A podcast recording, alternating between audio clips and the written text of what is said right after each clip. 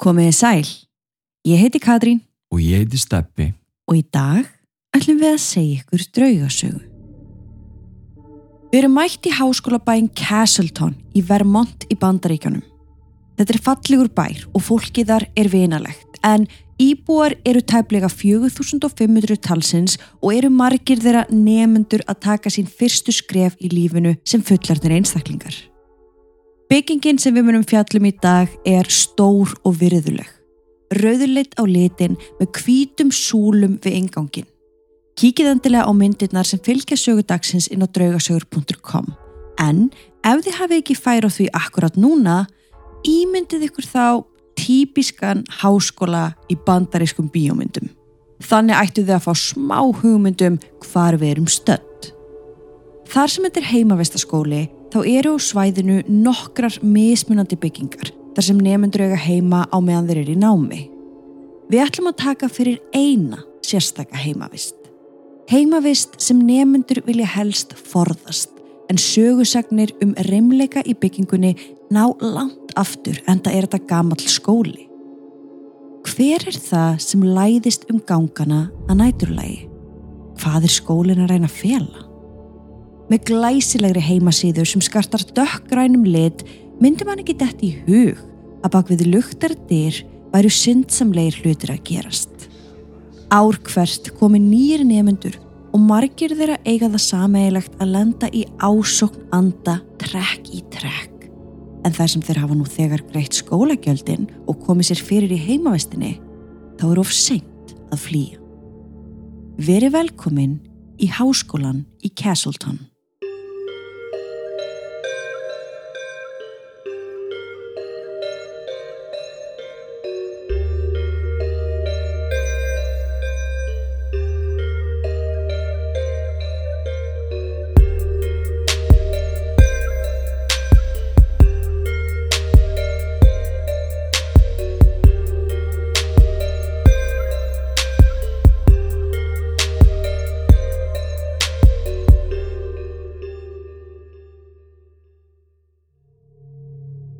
Við viljum minna á að draugasögunar okkar eru ekki við hæfi barna yngri en 13 ára nema með leifi fullorna.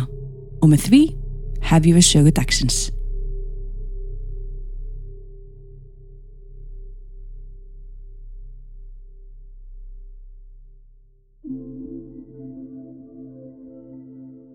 Alice Hall, heimavistin í háskólanum í Castleton, er líst af íbúum þess sem annað heimili, eða heimili að heimann Home Away From Home. Þessi tiltekna heimavist skartar nægilega mörg herbergi fyrir 145 nefendur. Við ingangin er grænt skegni sem er mert Alice Hall. Á fyrstu hæð er samegn, andiri, sjónvarpsól og stór stofa. Þar er svo stíi sem leiður upp á næstu tvær hæðir fyrir ofan. Á hverju einustu hæð er langur gangur þar sem við finnum einstaklings- og tveggjamanna herbergi meðfram hvori hlið. Í miðjunni er síðan sameilagt herbergi þar sem nefnendur geta hist til þess að læra. Þetta skipulag gerða verkum að hver herbergisgangur verður svona lítið samfélag og svo geta nefnendur að sjálfsög flakkað á milli. Þannig að þannig er auðvelt að eignast vini. Þetta er mjög sniðut. Önnur hæðin er fyrir konur og þriðja fyrir menn. Á hverri hæð eru baðherbergi og sturtuklefar sem eru kynjaskiptir. Á fyrstu hæðinni hins vegar eru kyn hlutlaus baðherbergi. Á vefsíðu skólans er einn talað um að í einhverjum byggingum skólans eru í bóði herbergi fyrir öll kyn sem þýðir að fólk getur valið sér herbergisfélaga án tillit til kyns eða kyn vitundar. Heimavistin Alice Hall er nefnd í höfuðið á George Ellis sem var auðugur maður í bænum sem stundaði viðskipti í átbrautabransanum. Fyrsta dvalarheimilið fyrir nefnendur var í Leavenworth Hall sem var byggt árið 1926.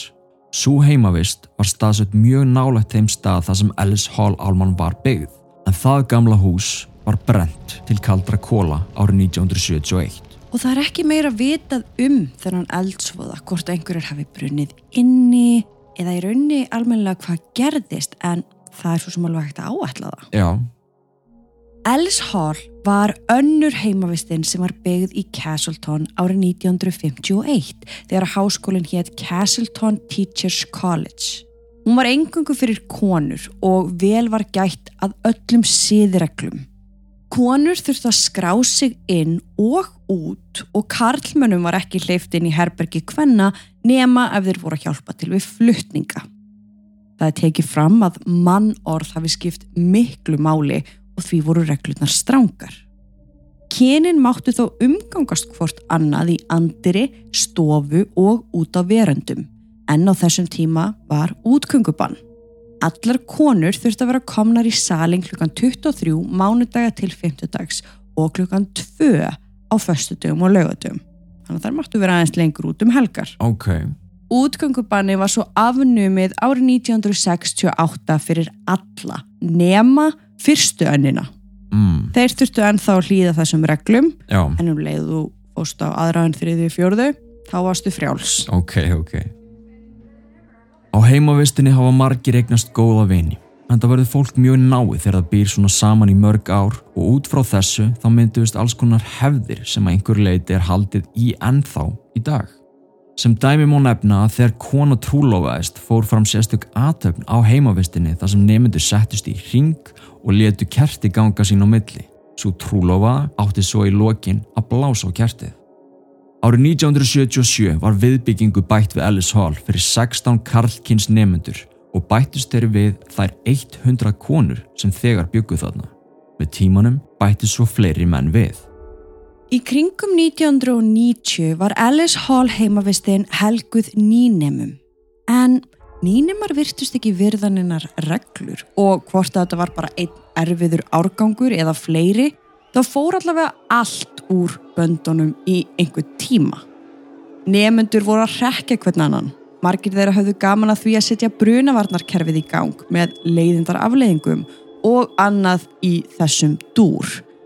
Að lokum róaðist andrumsloftið en hér er áhugavert að vita að það var á þessum tíma þar sem yfirnáttúrulegir atbyrðir fóru að gera vart við sig á heimavistinni.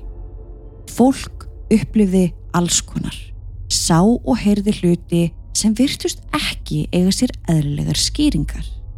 Nemundur byrjuðu að verða varir við fótatak á göngunum á nóttunni.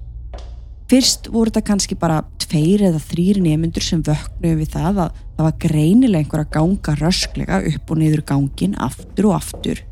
En þegar þeir letu fram til þess að aðtök fyrir bæri ábyrða þessum látum, þá var engan að sjá. Nefendur tala sjálfsögðu sín á milli og fljótlega kom það í ljós að örgla helmingur þeirra hafi orðið var við lætin á ganginum en enginn hafi þó séð nokkuð. Mm Og þetta vakti óhug hjá mörgum og til að byrja með þá voru nefnundur vissur um að það væri einhver að brjótast inn á kvöldin, Ah. eðlilegasta útskýringin. Mhm. Fólk aðtugaði með verðmæti hvort að einhverju hafi verið stólið en svo virtist ekki vera. Það var að lókum ákveðið að tala við skólastjórnendur um þetta vandamál og þau tóku þessu alvarlega. Öryggisgæsla var aukin þar sem öryggisverður mætti á heimavistina á klukkutíma fresti alla nóttina. En það virtist ekki breyta neinu. En þá heyrðist fótatökin og aldrei var neitt að sjá. Reymleikin jógst svo hægt og rólega næstu mánuði og ár. Baðherbergin á annari hæð fór að láta öllum íllum látum. Sturturnar fór í ganga sjálfu sér. Klósettin sturtuðist niður þó engi var að nota þeim og með þess að vaskarnir fór á fulla ferð hvena sem var sólarings. Það var eiginlega eins og einhver væri raunverulega að reyna að ná aðtikli nefnda Já. og það virkaði. Mm. Aftur fóru nefnendur og töluðu við stjórnendur skólans og aftur var brugðist við. Viðegandi fagmenn voru fengnir í verki til þess að aðtuga með pípulagnir og annað sem gæti verið að hafa áhrif á baðherbyrgin en ekkert fannst að. En þetta er líka aðlegasta sem maður gerir. Maður svona aðtugar hvað gæti mögulega verið af. Já, Nefnendur segja að þetta hafi verið algjörlega óþólandi. Fyrstum sinn voru þeir smekir en svo var þetta bara pirrandi. mm Sérstaklega fyrir þá sem áttu herbergi hliðin á klósettinu.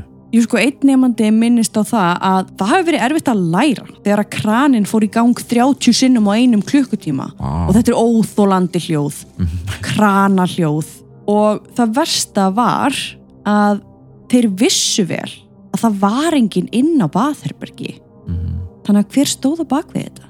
Ó, þetta er bara svo þrálat og pyrrandi. Já.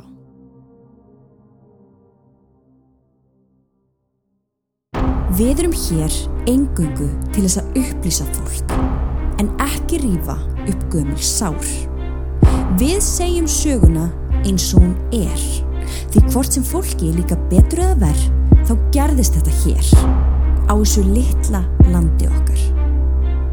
Við vorum fyrst til að fara með ykkur á staðinn og leif ykkur að upplifa draugagangin með okkur í rauntíma, nákvæmlega eins og hann er. Við erum með sönnunagögn sem engin annar á Íslandi hefur náð. Það er ástæða fyrir því að við erum fremst í flokki þegar að kemur að draugagangi á Íslandi.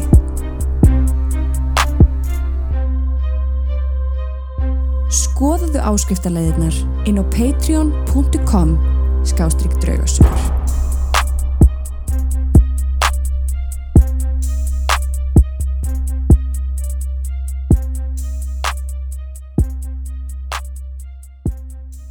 Það leið ekki á löngu þar til draugagangurinn færði sig inn í herbergi nefnda. Ég fann grein eftir konu sem heiti Diana. Greinina skýrði hún reymleikin í Alice Hall. Þar talar hún um að eina nóttina hafa hún rumskað upp úr værum svefni við það að einhver hafi opnað herbergishurðin hennar. Hún heyriði greinilega einhvern taka í hurðarhúnin, opna hurðina og ganga inn. Hún opnaði augun og sest upp. Hún bjóst við að sjá hurðina gal opna og ljós frá ganginum skína inn. En það var kolniða myrkur og hurðin var lokuð. Þrátt fyrir að vera handvissum að einhver hafi opnað hurðina, þá fór hún að hugsa með sér að mögulega hafa hann að verið að dreyma. Hún leggst aftur niður og snýr sér við. En um leið hún var komin á hina hliðina, sér hún unga stúlku standa við komóðuna. Díunu snöggbregður og aftur sest hún upp. Hún nuttar augun og lítur aftur. En þá stendur stúlkan. Alveg stjörf á nákvæmlega sama stað. Díana reynir að segja eitthvað en hún virtist ekki geta talað. Eins mikið og hún vildi ávarpa stúlkuna, spurja hana hvað hún væri að gera þarna, hvort hún væri að fara herbergisvilt, þá gat hún ekki komið upp orði. Störu keppnin á milli stúlnana varði einhverjar sekundur þar til díunu leið eins og það væri að líða yfir hana. Hvort það hafi verið út af hræðslu eða einhverju öðru, þá fann hún sig knúna til þess að leggjast aftur á kottan. Þar sem hún lá, reynd hún að telli sér trúum að þetta væri ekki raunverulegt. Hún væri að ímynda sér. En einst inni viss hún hvað hún sá. Aftur snýr hún sér á hina hliðina og lokar augunum.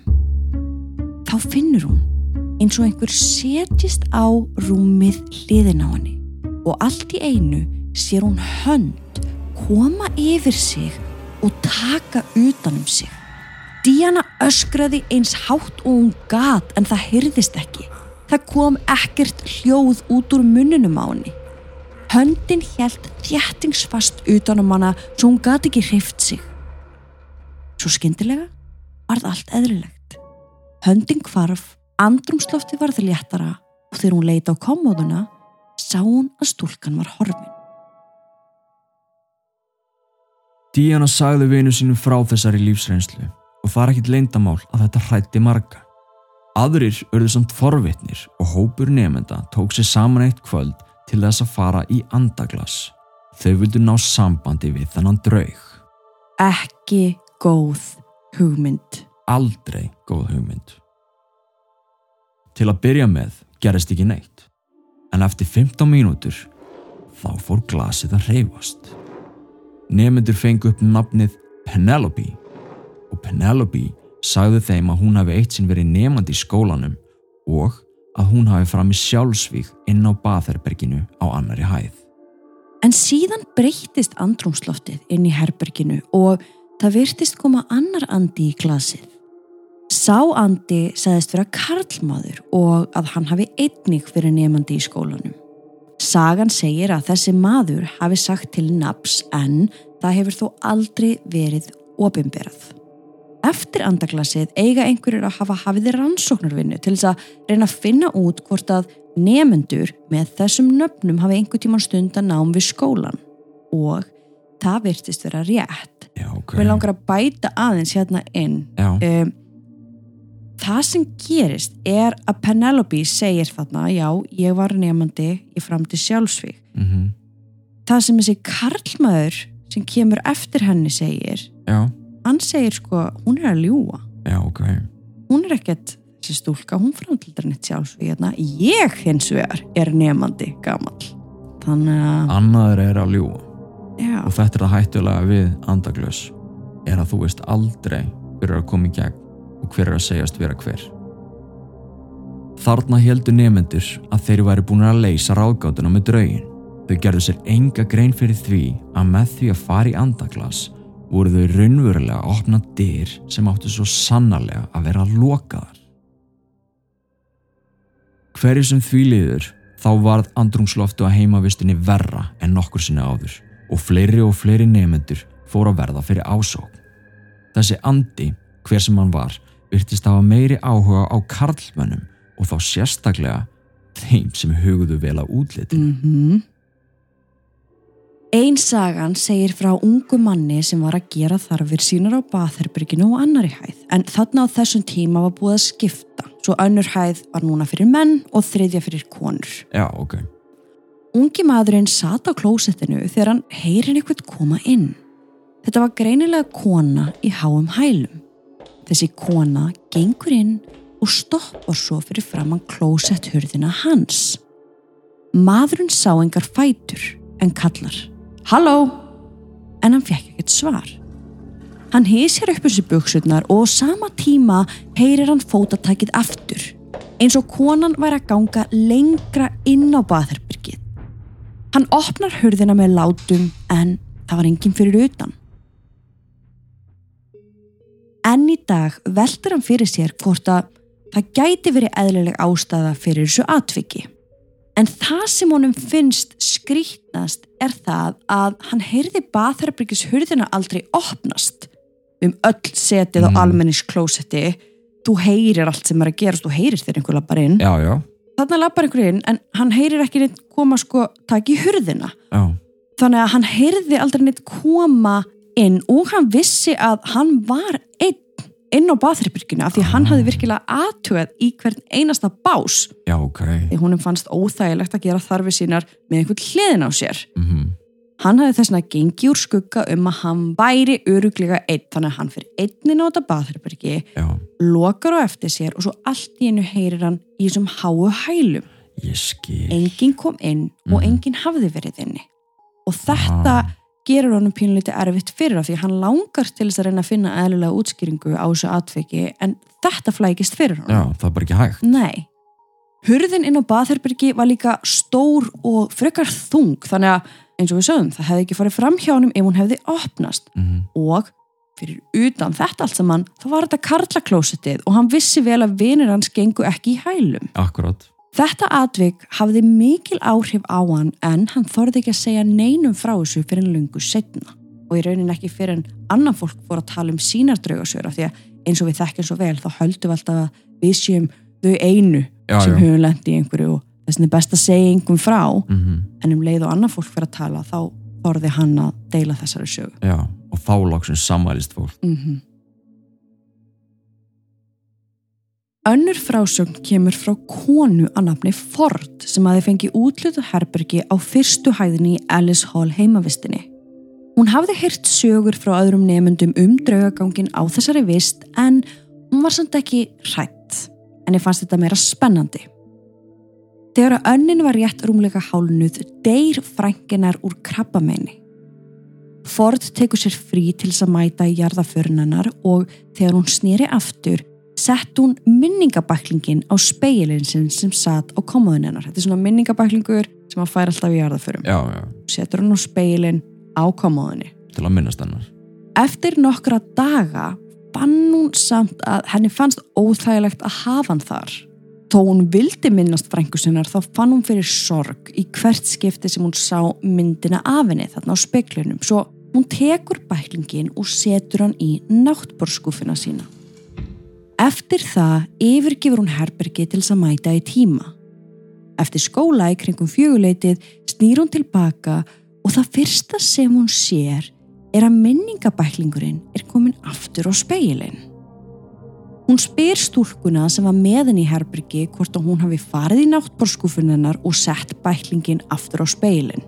Stúlkan harðneitar því og Ford trúðinni en það var það ekki vanin að fólk var að gramsa í náttborskúfum hjá hvort öðru. mm Ford var svo hrætt eftir þetta atvik að hún pakkaði saman og flutti inn í herbergi kærasta síns sem var á annari vist. Hún segir í dag að hún hafa aldrei trúan eitt sérstaklega á drauga fyrir en hún lendi í þessu óskiljanlega atviki. Það er nefnilega svo oft þannig að við trúum ekki fyrir við lendum í því sjálf. Mjög góði punktur. Hvort þetta hafi verið Andi Frankinar sem var þarna verki eða einhver annar, vitum við ekki. Nei.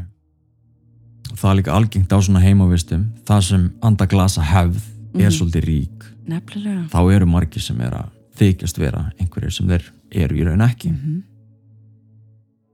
Þetta eru aðeins þrjár frásagnir af mörgum Engar heimildir eru fyrir því að stúlka hafi fram í sjálfsvík á baðherbygginu en það er auðvitað alveg möguleiki Mhm. Það geti líka verið að stúlkan hafi fram í sjálfsvík á annari heimavist jafnvel á heimilinu sínu skamt frá og við vitum vel að sjálfsvík rata örsjaldan í blöðin. Já, það er ekki mikið talað um sjálfsvík í blöðum. Nei. og ég er búin að skoða þessi helstu blöð að- frá þessum tíma og það er aldrei minnst á neitt sjálfsvík í þessum skóla. En svo verðum við líka að muna að þetta er skóli. Já, já, Þú vilt ekki að eitthvað svona rati... við skólan Nei, Nei. og það er bara alveg svo í dag. Þú heyrir ekkit fregnir um Nei. sjálfsvík í blöðum sko. en með að við reynslu nefnda þá er þarna andi stúlku sem er ekki feimin við að gera vart við sig. Af hverju hún gengur aftur er erfitt að segja til um. Mögulega sér hún eftir því að hafa enda sitt líf. Kannski er hún einmana eða kannski líður henni bara vel þarna í kringum nefnendur flestir eru þó sammála um að það sé of mikil virknið þarna á heimavistinni svo það sé hægt að kenna einum anda um. mm Fótatækið sem fólk heyrir er ekki alltaf eins og fólk hefur séð alls konar skuggaverur út undan sér sem er af öllum stærðum og gerðum. Það fær maður líka til þess að hugsa um eldsvoðan sem við töluðum um í byrjun. Akkurat